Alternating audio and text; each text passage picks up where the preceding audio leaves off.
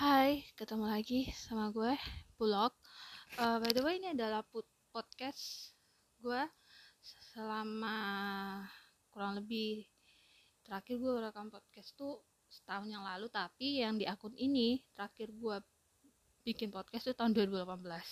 Dan kalau misalnya kalian scroll tuh ada postingan tentang gue bahas tentang elf dan human di Middle Earth. Jadi kalau misalnya kalian penasaran boleh sih buat dicek. Uh, jadi gini kenapa gue bikin podcast? Uh, karena gue pengen menyampaikan beberapa hal soal penipuan uh, GO atau group order K-pop yang sering terjadi di Twitter.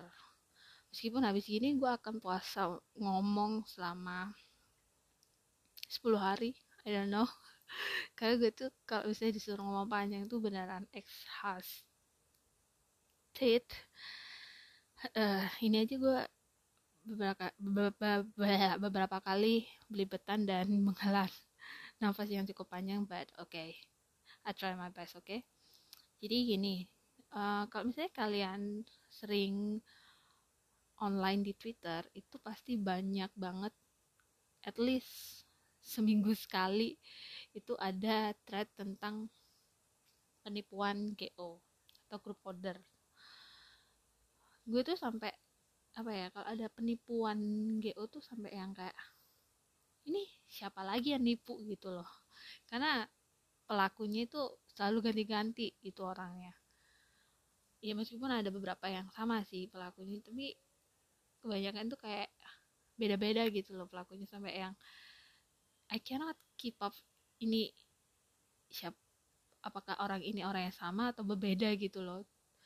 Jadi saking banyaknya tuh orang awam itu sampai memberikan opini gitu loh. Apakah memang K-popers itu sebodoh itu sehingga gampang banget ditipu gitu?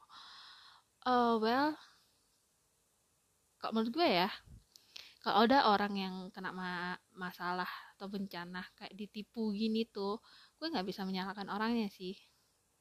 Even orang itu kena beberapa kali atau uh, banyak K-popers yang kena gitu gue nggak bisa menyalahkan mereka sih.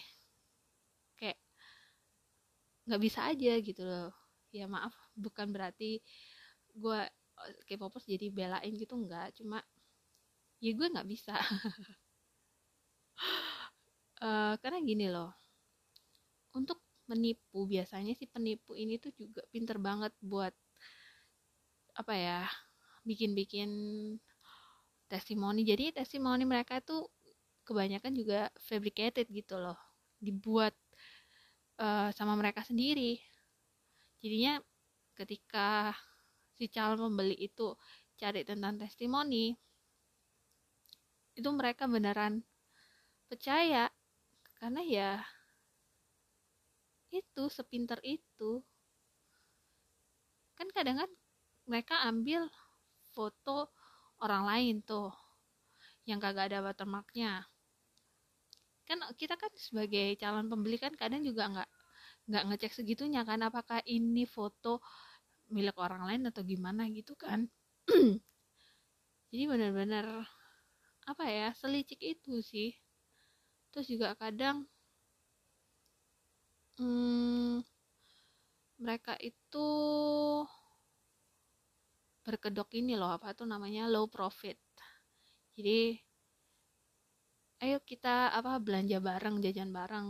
Aku sama sekali nggak ambil untung gitu kan. Dan memainkan apa ya emosi bukan emosi sih. Iya sih kayak aku nggak ambil untung banyak loh. Jadi beneran bantu kamu untuk dapat album murah gitu kan. Itu juga kadang yang bikin uh, para calon pembeli tuh percaya gitu loh. Karena ya dia ngomongnya kan sesama fans gitu kan. Ada juga yang masuk ke komunitas fandom gitu. Uh, lama gitu terus habis itu dia nyari simpati ke ke sama anggota gitu kan. Terus akhirnya dia bikin grup order gitu dan akhirnya nipu itu juga ada gitu kan. Jadi ya menurut gue tuh pasti penipu tuh banyak cara gitu loh. Dan meskipun kita udah berhati-hati dan kalaupun kena ya nggak bisa disalahin gitu ngerti gak sih maksud gue? Nah karena banyaknya penipuan ini gue gue mau share aja. Karena gue sendiri juga jualan jualan album jualan match juga gitu loh. Karena uh, gue kemarin di PHK kan jadi ini sumber mata pencarian gue juga gitu. Gini untuk adik-adik ataupun kakak-kakak yang ingin membeli album atau merchandise K-pop, gue saranin adalah kalian benar-benar cari yang banyak testimoni di Shopee. Karena gini, meskipun di Shopee itu juga kadang bisa difabricated, cuma peluangnya untuk di apa ya dipalsuin itu kecil sih menurut gue. Dan banyak. Harus banyak gitu loh. Kalau di gue karena gue juga gak terlalu lama sih gue baru nyemplung ke dunia jual beli ini tuh setahun belakangan.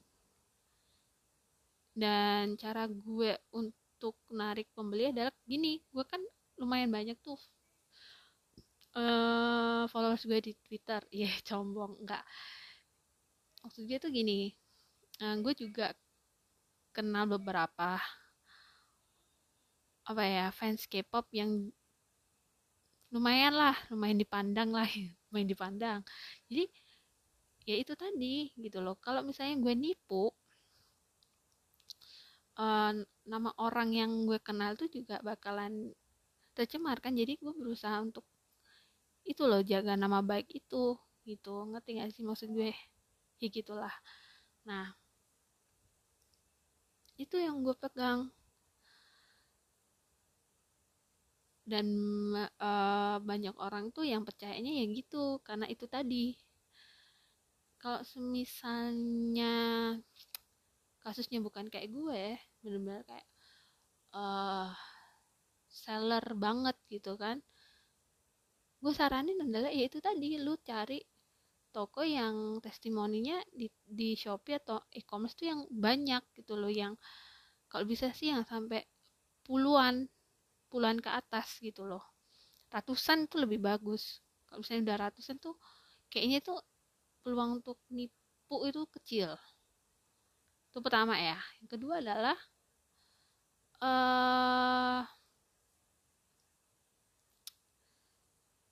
yang kedua adalah lu beli ke orang yang udah pasti aman gitu loh. Banyak banget toko-toko K-pop yang udah dari dulu yang nggak bermasalah gitu. Ada K-pop sale ada all about merch ada K-pop connection. Itu mereka udah pemain lama gitu dan ya meskipun harganya mereka nggak mahal tapi mereka trusted gitu loh. Lo nggak bakalan was was uang gue ke mana gitu. Karena ya itu tadi mereka udah pemain lama. Itu ada harga ada kualitas lah. Ya gimana ya? Dan ketiga adalah jangan tergiur sama yang namanya low profit. Nggak apa-apa low profit banyak kok yang low profit yang jujur itu. Tapi menurut gue untuk menghindari hal-hal uh, yang tidak diinginkan menurut gue adalah ya udah beli aja di seller yang normal yang yang memang bukan low profit. Gue tuh bukan low profit. Gue tuh high profit. Kalau nggak high profit gue nggak bisa makan cuy. Nggak bisa menafkahi NCT yang 23 bujang itu. Gimana sih? Dan yang selanjutnya adalah uh, biasanya kan gue kan sering share testimoni di, di Twitter juga kan ya. Siapa yang dibeli di gue tuh gue selalu kasih apa itu namanya bales gitu loh balesan atau uh, quote retweet pakai hashtag Kim Kim Testi gitu. Itu tadi lu cari aja di di di Twitter tentang all shop yang mau lo uh, beli gitu. Gimana kalau misalnya all shop itu benar-benar baru? Kalau benar-benar baru ya itu tadi sih menurut gue tuh beneran uh, judi banget kalau misalnya tuh all shop baru banget gitu loh. Kalau caranya kayak gitu adalah lu cek rekeningnya lu cek nomor teleponnya WA-nya di, di apa tuh get kontak tuh biasanya kan ketahuan tuh jejak rekamnya gimana gitu kan. Terus rekeningnya tuh atas nama siapa lu googling uh, orangnya kan. Sekarang tuh bisa lo googling nama orang tuh udah kelihatan dia rekam jejaknya gimana di internet gitu loh. Jadi ya itu tadi. Kalau misalnya benar-benar baru caranya ya itu mau nggak mau agak ribet emang kalau GO ini kan biasanya juga banyak tentang photocard ya. Ini gue sering juga nih photocard unofficial tapi bilangnya official. Itu gimana tuh cara bedainnya official atau enggak unofficial gitu? Pertama tuh lu baca-baca deh tentang uh, bedanya apa sebelum lu beli gitu. Bener-bener uh, minta proofnya tuh yang apa tuh namanya yang jelas gitu loh. Gue sih gitu. Sebelum gue beli tuh gue selalu minta proofnya tuh yang benar-benar jelas gitu loh. Dan kalau misalnya ada slide damage atau gimana itu kan bisa ketahuan gitu. Dan gue bisa nego lah gitu kan. Itu. Terus kadang juga ada yang seller tuh nakal banget dia kasih proofnya itu photocard asli tapi yang dikirim unofficial. Itu emang dajal sih. Kalau kayak gitu mah ya udah gimana lagi? Sudah terjadi. Lo udah minta proof tapi dianya yang nggak jujur. Ya kata gue mah gimana ya? Kalau misalnya yang photocard ini benar-benar bisnis ladang basah banget. Gitu loh. Jadi ya mau nggak mau lo harus mem mempercayai institusi institusi apa? Institusi kok institusi sih? Intuisi lo. Benar-benar lo harus mikir gitu otak lo harus jalan banget nih. Karena gini di di fandom gue NCT itu kan ada SJB tuh. Special yearbook itu yang harganya sampai jutaan gitu kan. Apalagi Jaehyun tuh sampai bisa beli motor tuh kan harganya. Nah ada yang ketipu juga gitu kan. Itu dia. Kalau kata gue mah gini kalau misalnya kayak yang barangnya rare itu mau nggak mau lo harus COD cuy. Nggak bisa karena jutaan cuy itu duit. Bukan bukan lembar daun kelor. Duit itu lu dapetinnya pakai uh, darah dan air mata. Jutaan cuy. Di masa pandemi gini dapat uang jutaan tuh susah. Jadi kata gua mah kalau misalnya lu pengen banget dapet SJB dan harganya itu memang mahal banget. Mau nggak mau ya harus COD harus. Kalau gue emang gitu. Nggak COD jangan.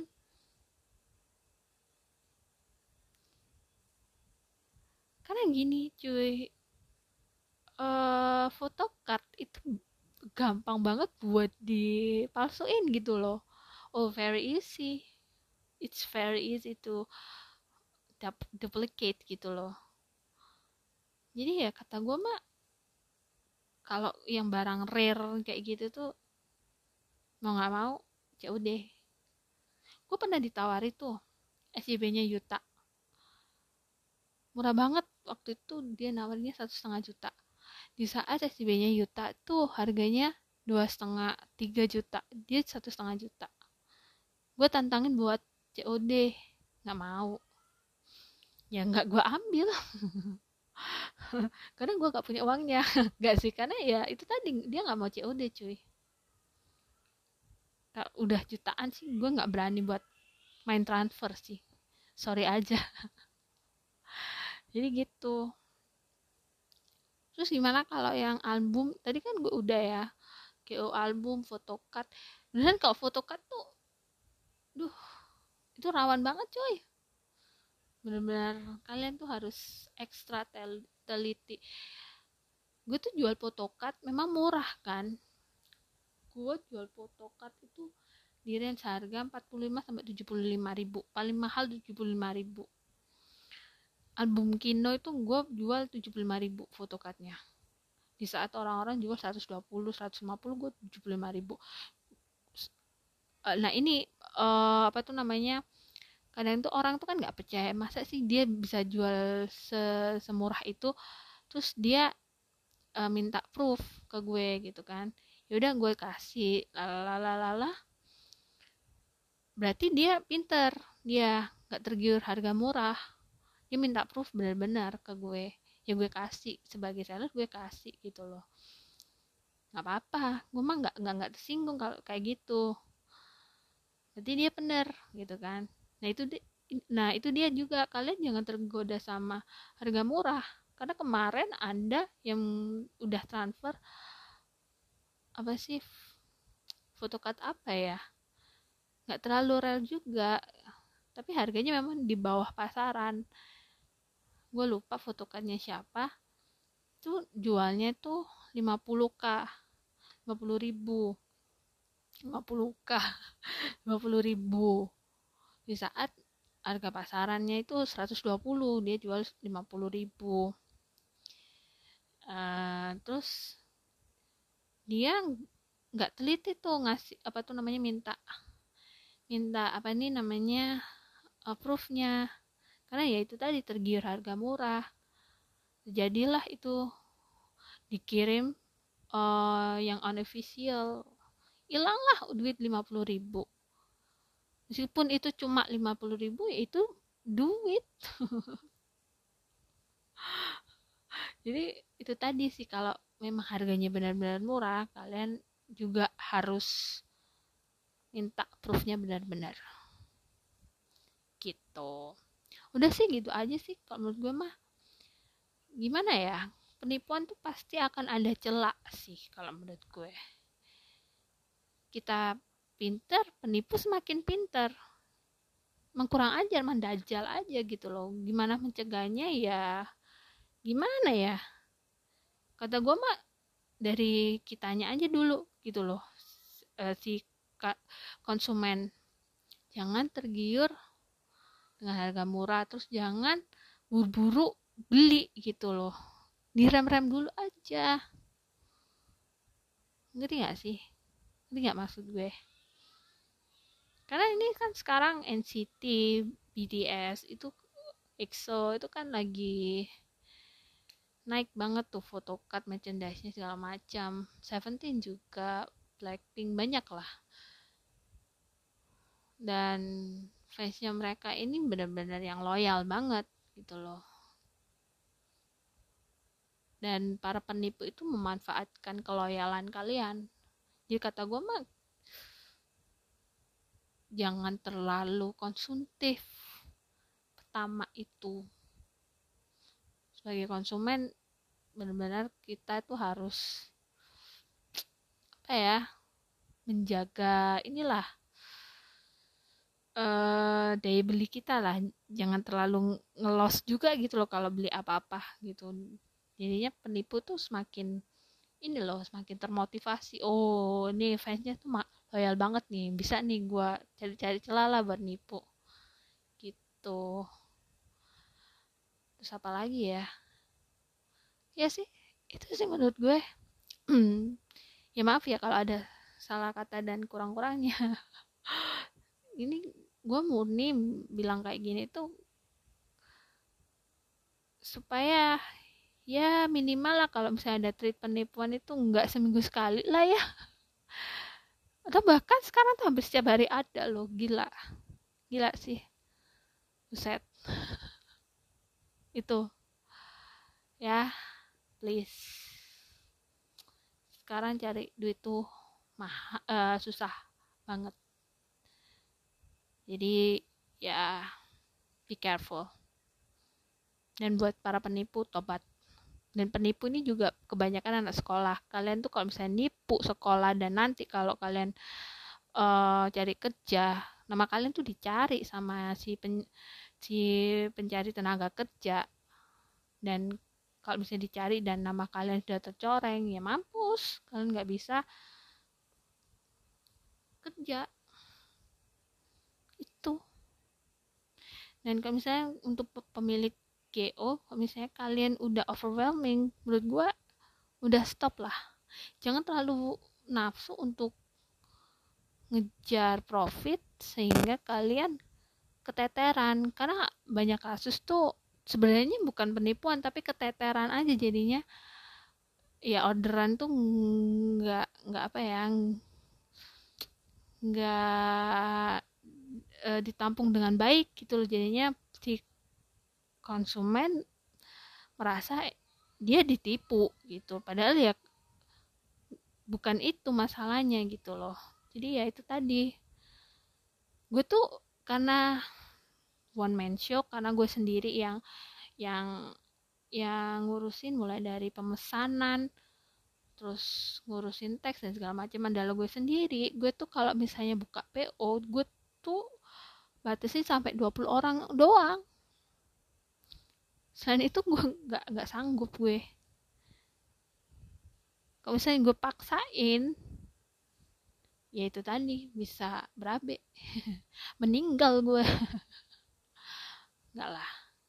Gitu. Jadi pemilik GO juga harus ini sih harus tau lah uh, batasnya kalian tuh sampai gimana gitu.